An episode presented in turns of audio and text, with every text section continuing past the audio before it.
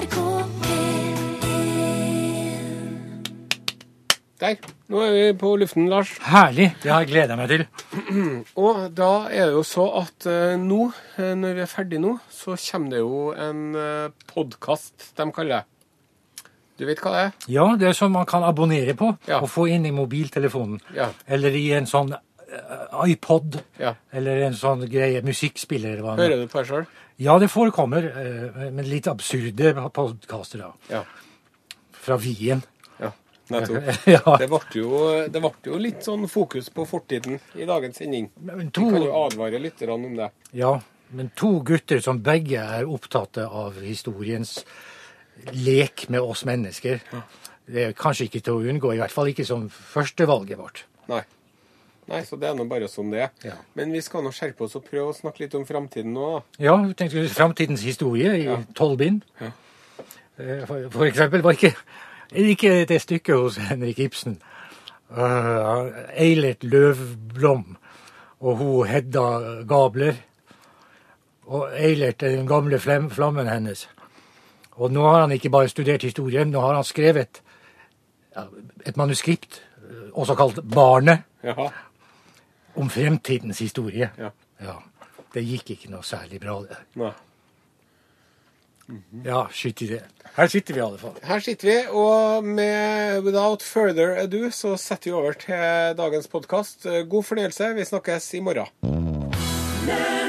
Du lytter til Lunsj på NRK P1 den 18. mai. Og kan jeg få lov til å banne bitte litt i kjerka her og si at jeg syns at det er godt at 17. mai er over. Jeg syns det er litt mye styr med den dagen der. Jeg liker Grunnloven godt, det er ikke det. Og jeg er glad vi ikke er en del av verken Danmark eller Sverige. Og fedrene har kjempet, og mødrene har greit. Men eh, altså, unnskyld at jeg sier det, men jeg må si det. Jeg vet at jeg sier mye rart her på radioen, og det er mye tant og fjas og underbuksehumor. Og i det hele tatt, Men jeg driver ikke og lyver. Så derfor så sier jeg det. Syns det lukter litt Nord-Korea av hele opplegget. Og i tillegg, for en masete dag. Og kan jeg få si at det går an å få overdose bunad og is og tombola? Og hvor mye penger skal man bruke på en søndag? Ja, det er artig til ungene og mange andre, men jeg må få si det. 17. mai ikke favorittdagen min. Og det er jo typisk at i dag, vet du, her i Trondheim, så er det varmt og god, eh, mild, fin bris, fønvinaktig, og sola skinner fra en skyfri himmel, mens i går, da var det iskaldt og sludd og regn og nordvest. og det er jo også det at 17. mai det er jo litt dumt at vi feirer 17. mai den 17. mai. For egentlig så burde vi feira det 17. juni, eller helst 17. juli. For da kunne det fortsatt vært regn og skitvær, selvfølgelig, men det hadde nå vært litt varmere lell. Problemet med det ville jo vært at den 17. juli, da er jo alle sammen på ferie. På feriehus i Danmark, på telttur på Hardangervidda, på cruise i Kattegat, på playaen i Spania, eller drive og beise plattingen på hytta. Men 17. august, da, det kunne ha vært noe. Da er fellesferien over, sommerferien er på hell, men det er fremdeles godt og varmt. Verste pollensesongen over. Svært få plasser i landet plages med snø den 17. august. Ja. Måtte jo selvfølgelig endra litt av teksten på den ene sangen der. Da måtte vi sunge 17. august, pølse og is er ett must, moro vi har fram... Sant? Så de, ja. Det hadde vært pussig til å ha Margrethe Munthe, men for alle oss andre så hadde det vært eh, helt fantastisk. Vent, da. Med her, da. Yes. Det stemmer. Du lytter til Lunsj på NRK P1. Herr Rune Nilsson og drengen Torfinn Borchhus de er jo i gang med TV-produksjon, så Osen er vikar hele mai og langt ut i juni. Og så har jeg med meg god hjelp. Den uka her så er Lars Nilsen, kjent ifra P2. Eh, Hei, Lars. Hei, Are. Hvordan går det? Det går som en drøm. Dette her er så fascinert av det du sa om 17. mai, er vi så glad i. Ja. For du har jo eh, unektelig en del poeng der. Jeg har jo det. Ja. Takk skal du ha. Ja. Uh, Men uh, lavtrykkene, og dette har jo ikke vi mennesker kontroll med, så de suser jo sin, sitt eget De går på en annen strømkrets. De, de går sitt eget liv. Så om man får krokanis med surkål og, og sørvest og regn, eller om det kan man også få i august. Kanskje det er greit å gjøre seg ferdig på våren med 17. mai, og så, ja, og så går jeg bare fleske til videre inn mot sommeren og fellesferien. Ja. Det kan tenkes. Det kan tenkes. Det er noe veldig godt å være ferdig med i hvert fall. Nå skal vi spille mer musikk her. Jeg er veldig spent på om jeg får til det tekniske, men eh, vi skal nå se hvordan det går. Der kom det, vet du. Den skulle jo jeg ha kjørt i sted. Vent, da. OK. Her Vi prøver en gang til. Her kommer Rihanna, Kanye West og Paul McCartney. Låta heter Four Five Seconds. Nei, det var ikke det, nei. Ja, nå, nå, nå skjønner jeg hva som skjer. Nå skal vi fortelle dere om en uh, spennende park nede i landene. Uh, take it away, Lars. Ja, jeg lå og spekulerte på hva vi skulle bidra med som en sånn åpnere i, uh, i lunsj. Og så kom jeg til at uh, det ligger en park i Wien ja. som heter Schönbrunn. Altså det betyr at det Den vakre, brune parken? Ja, det betyr en, en skjønn brønn. Altså ah, en, en ja, kilde ja. som man kunne drikke av. og Da blir man friskere. Og I den parken der viser det seg at uh, svært mange av uh, figurene som har uh, satt sitt preg på det århundret vi la bak oss, og for så vidt også på det århundret vi er inne i nå, har vandret rundt med hendene på ryggen og trukket frisk luft og spasert og, og hvilt tankene sine. Ja. Vi, vi, vet at uh, Josef Stalin var der. Han var på, i landflyktighet fra, på rømmen fra tsarens Russland. Ja. Adolf Hitler kunne selge en og annen akvarell for en to-tre østerrikske kroner. Han gikk der og trakk frisk luft. Ja. Mye tyder på at samtidig? de kan ha gått der samtidig. De kan ha gått der samtidig. Ludvig Wittgenstein har gått tur der. Ja. komponisten Brahms. Gustav Klimt, maleren. Ja. Han med kysset, ja. Ja. Han, ja. Og det er uendelig eh, vakker park også, dette her. Ja. Uh, så, så, det er jo litt Det er jo det der at der går du, rusler du en tur i parken, ja. og så er du Adolf Hitler. Ja. Og så går det en mann som du ikke legger så nøye merke til på andre sida, mm. og det er en Josef Stalin. Mm. Det er ganske sprø tanke å ha på hodet sitt. altså. Han var der under dekke, altså under, eh, under dekknavn, som, som en gresk eh, Eh, løsarbeider. Mm -hmm. Han hadde nok barten sin, Stalin. Han hadde fått i oppdrag av eh, Vladimir Ilyich Lenin borte i Krakow hadde han Stalin fått i oppdrag at nå drar du til vårt dekksted i Wien, mm. og så begynner du å arbeide med spørsmålet om uh, marxismen og det nasjonale spørsmål. Hvis vi får til å lage en revolusjon Kanskje vi er så heldige at uh, tsar Nikolai uh, går til angrep på uh, Østerrike f.eks. Og da kan vi kanskje starte en revolusjon. Og da må vi ha en plan for hva vi skal gjøre med de ulike nasjonalitetene i, i Russland. Mm. Så, og Stalin jobber med dette her. og det, Han tok det jo med seg hjem til uh, revolusjonen. Og mm. effekten av det han satt og arbeidet med i, i, i Wien den gangen, det ser vi jo i dag med spørsmål om Ukraina. og Kasakhstan, Estland, ja. Latvia, Litauen. Alle effekter av det arbeidet som han gjorde der. Ja. Var det så at han hadde skrubbsår på kneet sitt, han eh, Stalin? da? Ja, fordi eh, de satt altså Den gang så var Krakow en del av eh, Østerrike-Ungarn. Altså Polen eksisterte jo ikke. Men de satt i hvert fall nede i Krakow i en dekkleilighet der. Og Stalin skal ha slått Lenin i sjakk sju ganger etter hverandre. Ja. Så har antagelig provosert Lenin dette her. Så han har, Lenin sier at vi revolusjonære, vi må være raske.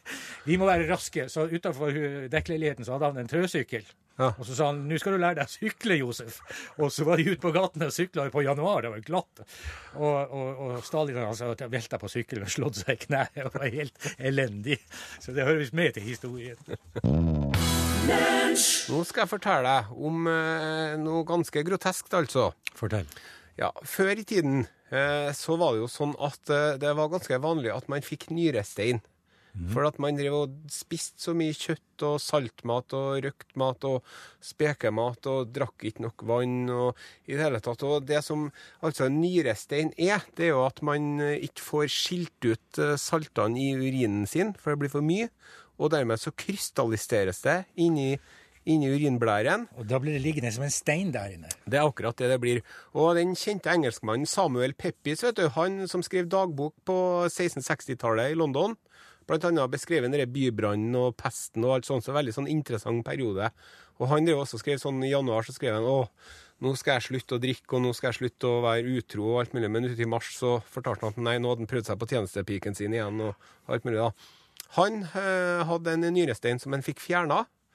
Eh, og Den var så stor som et dueegg.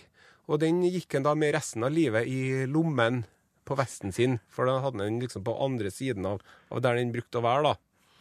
Og når det gjaldt eh, hvordan man fjerna sånne nyresteiner den gangen, så var det ganske brutalt og, og ubehagelig. For det var ikke noe bedøvelse det var snakk om. Så lenge siden så jeg tror det var funnet- det 50-50, og kanskje enda dårligere med å bli operert eh, nedentil og sårbar for infeksjoner. Og, da var det at man drakk seg sanseløst beruset, Ja. og så gikk de inn eh, mellom eh, pungen og anus, da. Ja. Skar de seg inn. Og, og det var mange som bare nekta den operasjonen der, for at de, de bare Det der går ikke.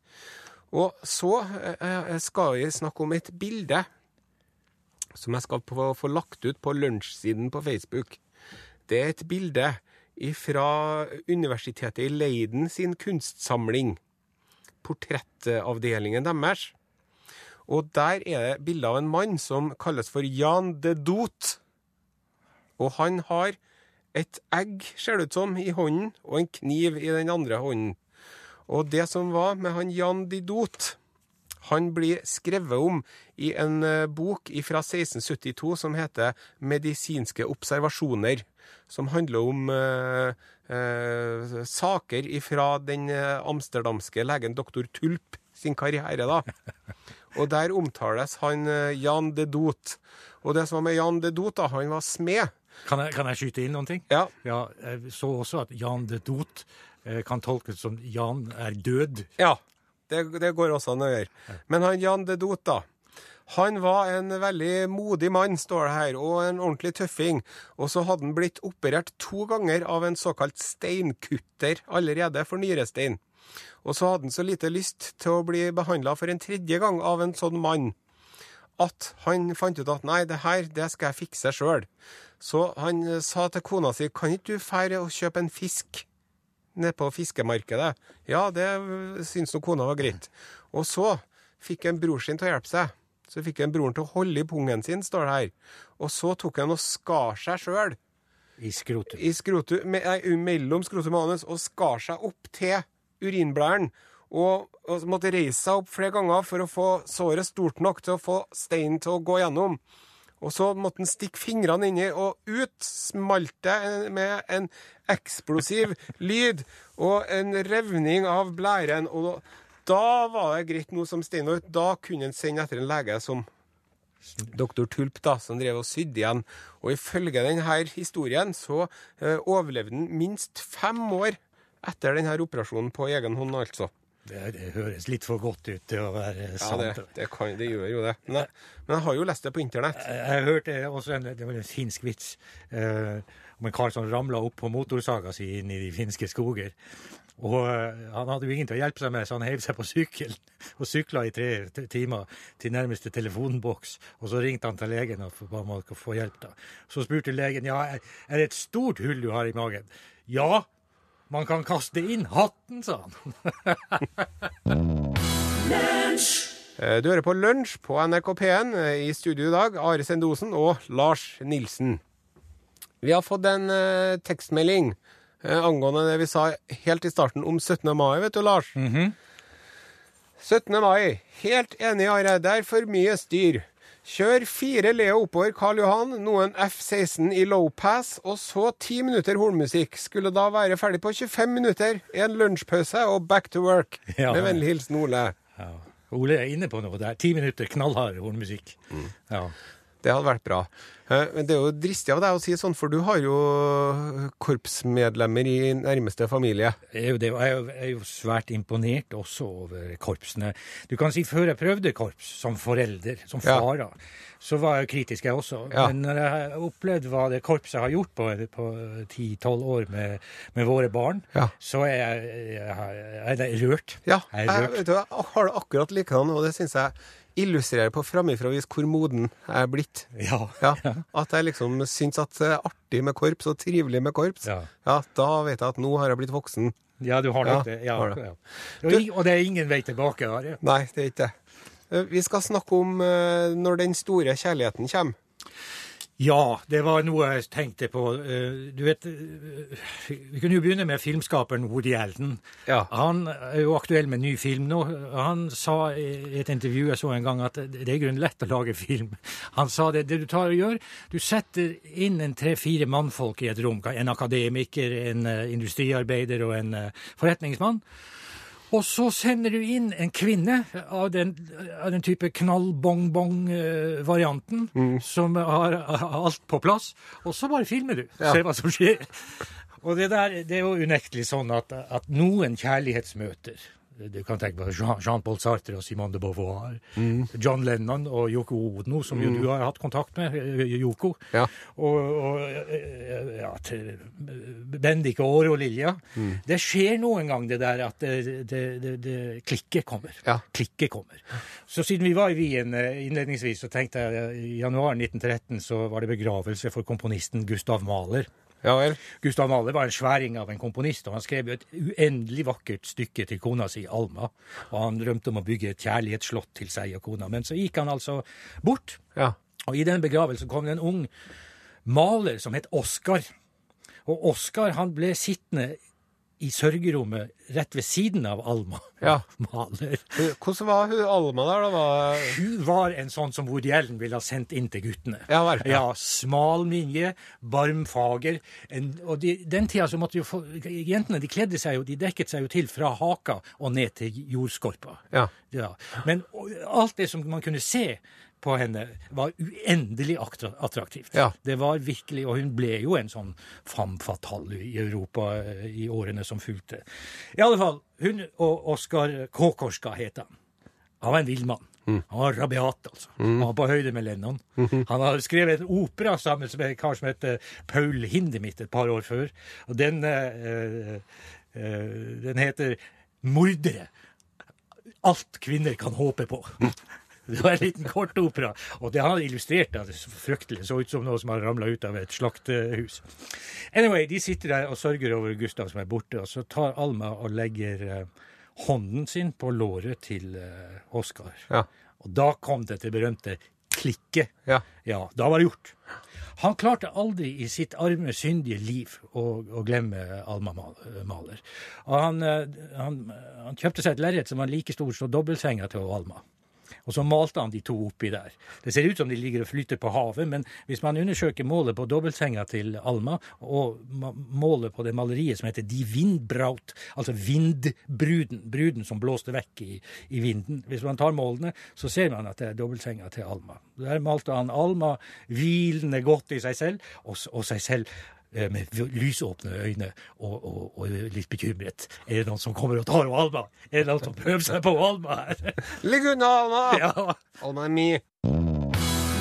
Det var vel ikke til å ta feil av at det der var Janis Joplin. Jeg tror hun gikk nok på den samme strømkretsen som Alma Maler og Oskar Korkorska og andre villmenn. Dette her skrev hun på, på vei, eh, i heisen på vei inn i platestudio den 1. oktober 1990.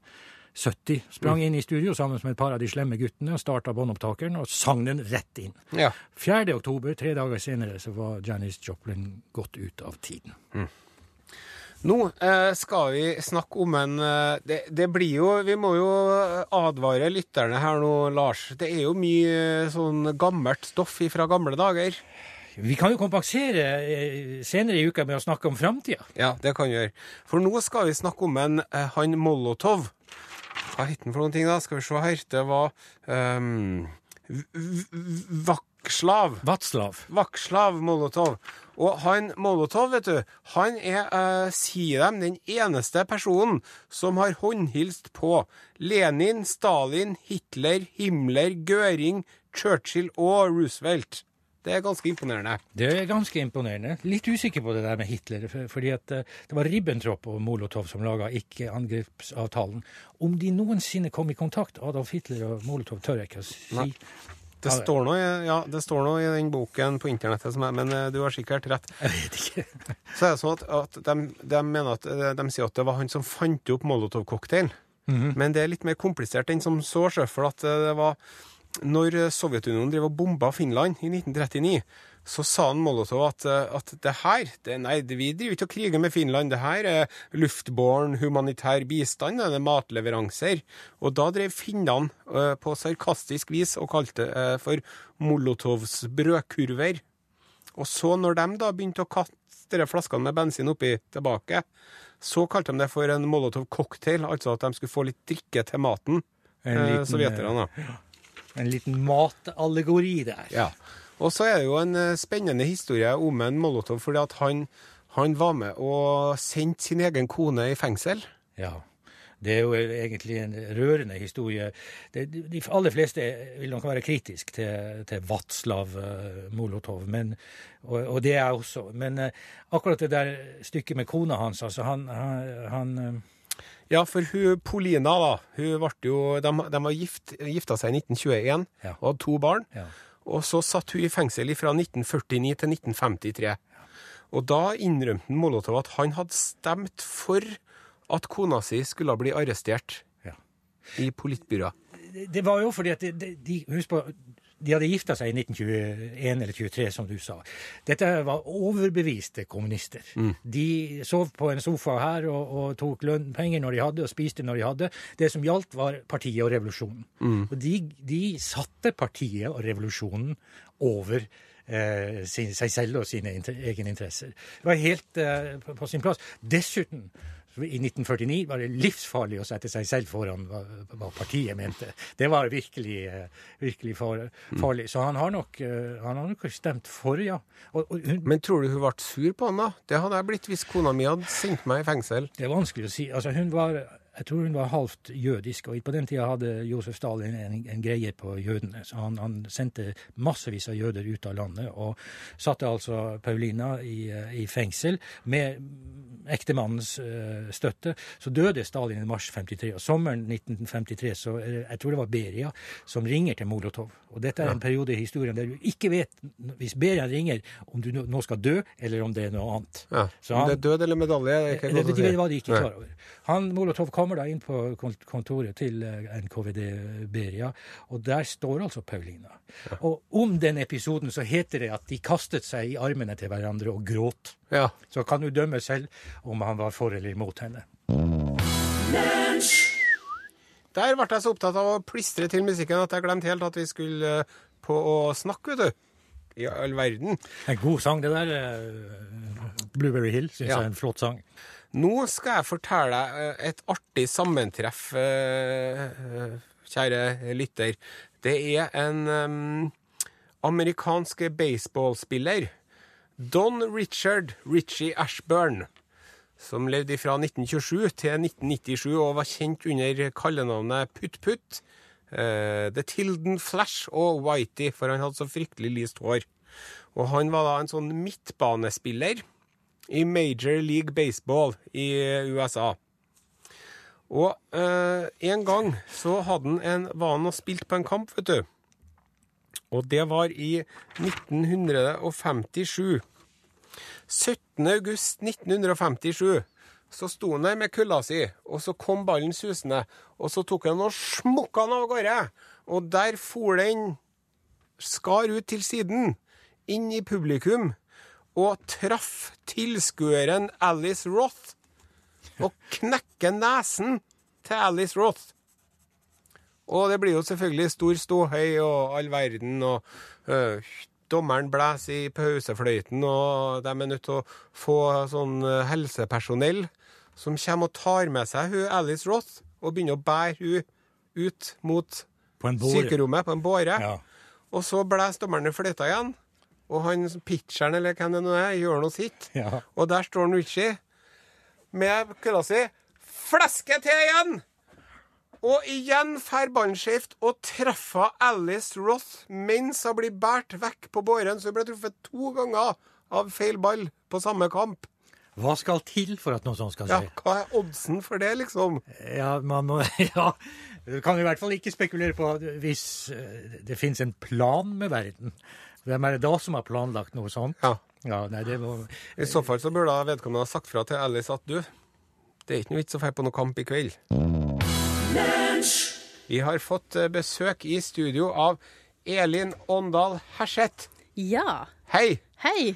Vel overstått 17. mai, Ja, takk. forhåpentligvis. Ja, det var godt å få det, ja. deg eh, bli ferdig med det. Ja, ja, det var det, ja. ja jeg syns jeg hørte du, du sa litt om det, ja. Mm. Um, har det vært mye oppryddingsarbeid? Det har jo det, og det er så fort gjort uh, å, å gjøre eh, helt forferdelige feil. Oi. I P2 vet du, så tar jo ikke vi konfekt med bare fingrene. Vi bruker jo en egen konfektklype av sisilert sølv. Ja. Må, må vite. Ja. Og den la jeg i en 60 grader på oppvaskmaskinen, så jeg måtte jo stoppe maskinen midt i vasken og ta ut konfektklypen og pusse og polere den, så ikke den skulle bli skjoldete til neste 17. mai. Så sånn har vi det hos oss. Hva følte du da? Jeg, jeg, jeg, jeg følte glede Ja. over at jeg berga klypa. Sjøl Mm. Sjøl har jeg jo? Ja. drevet og rydda opp uh, smellbongbongene fra kransekaken. Ja. Og de der vitsene fra den vitsefabrikken inni der, vet du. Ja. De lurer seg jo inn på de merkeligste steder, altså. Var det blitt bedre vitser siden i fjor? Nei, det altså, de vitsene her, de er overraskende dårlige, ja. Det Ja. må jeg få si. Jeg tror de klipper dem i to for, å- altså, for å ha, drøye dem. Ja. For at jeg så- kommer- forstår aldri poenget. Vi er tilbake igjen i morgen, vi, Lars. Nettopp. Klar som et egg. Og så sier vi at eh, det var noe hyggelig at dere var med.